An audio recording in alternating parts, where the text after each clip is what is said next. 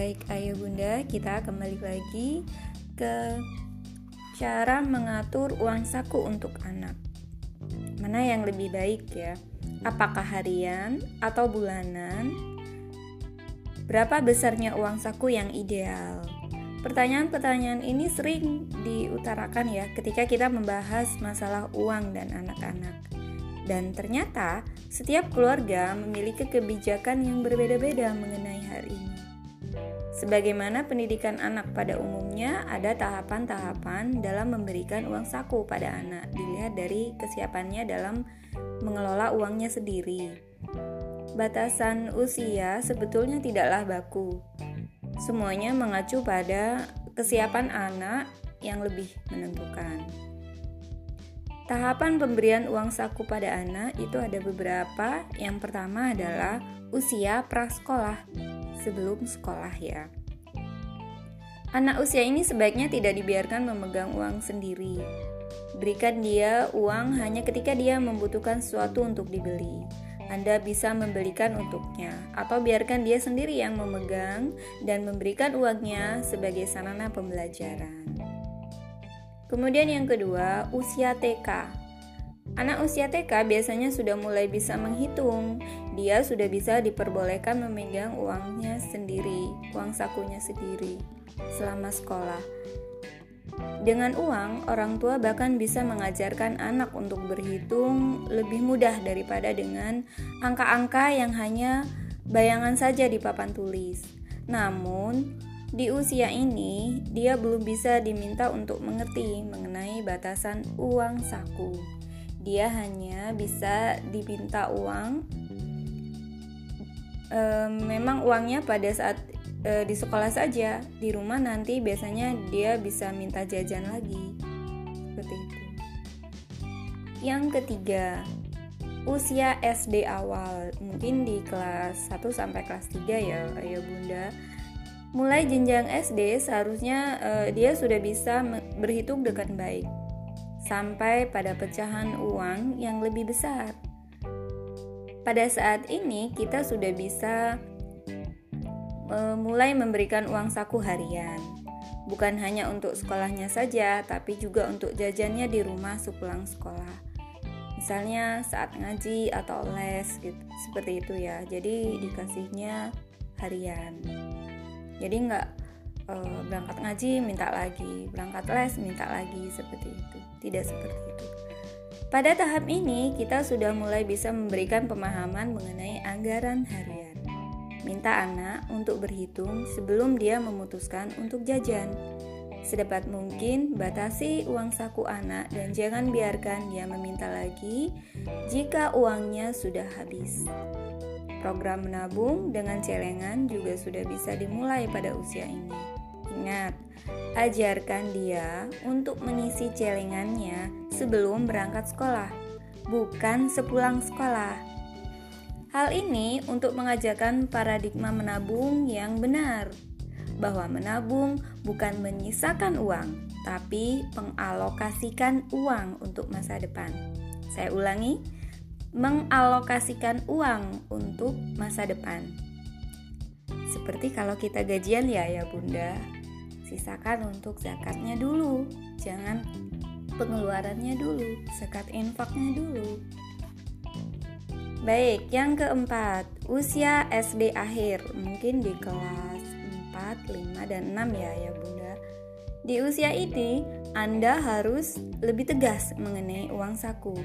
Tidak ada uang tambahan selain uang saku yang telah diberikan Berikan pengertian bahwa dia harus bertanggung jawab penuh dengan uang sakunya dan sama sekali tidak bisa meminta uang saku tambahan jika uang sakunya sudah habis.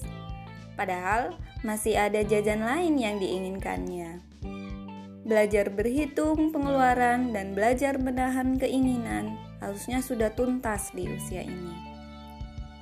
Saya ulangi, harusnya sudah tuntas di usia ini jadi nggak ada yang namanya um, rengek-rengek minta uang ya di usia SD akhir nih harusnya dia sudah bisa bertanggung jawab ya ya bunda Kemudian yang kelima, usia SMP. Memasuki jenjang SMP semakin beragam kebutuhan anak. Dan biasanya juga sudah mulai sekolah agak jauh dari rumah.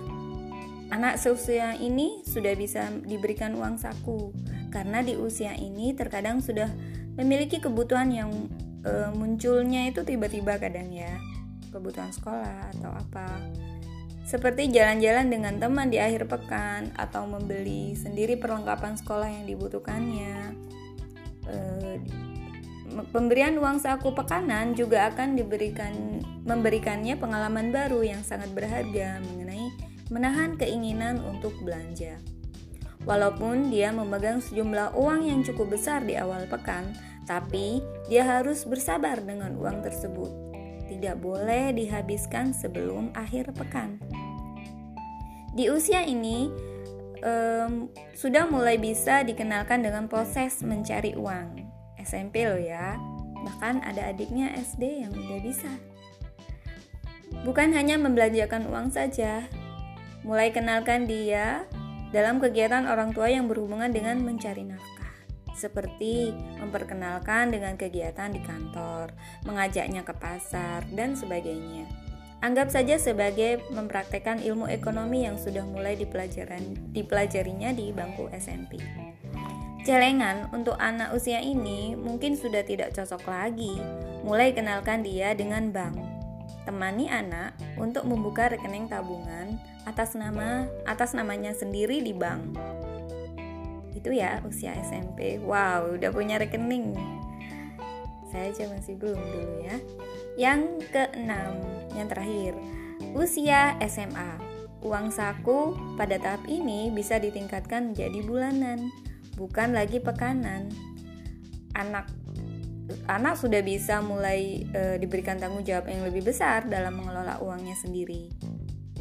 Dengan memberikannya uang saku bulanan, anak akan punya pengalaman mengelola uang yang lebih luas dan akan sangat bermanfaat pada saat dia menerima gaji bulanannya sendiri gitu ya.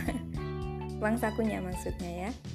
Di tahap ini jangan halangi jika anak memiliki ketertarikan pada suatu usaha tertentu mungkin dia merasa ada peluang pedagang di bulan puasa atau dia merasa memiliki keahlian yang bisa dimanfaatkannya silakan saja jangan Jangan juga batasi dengan keuntungan atau apa pun. Biarkan saja dia menimba pengalamannya sendiri.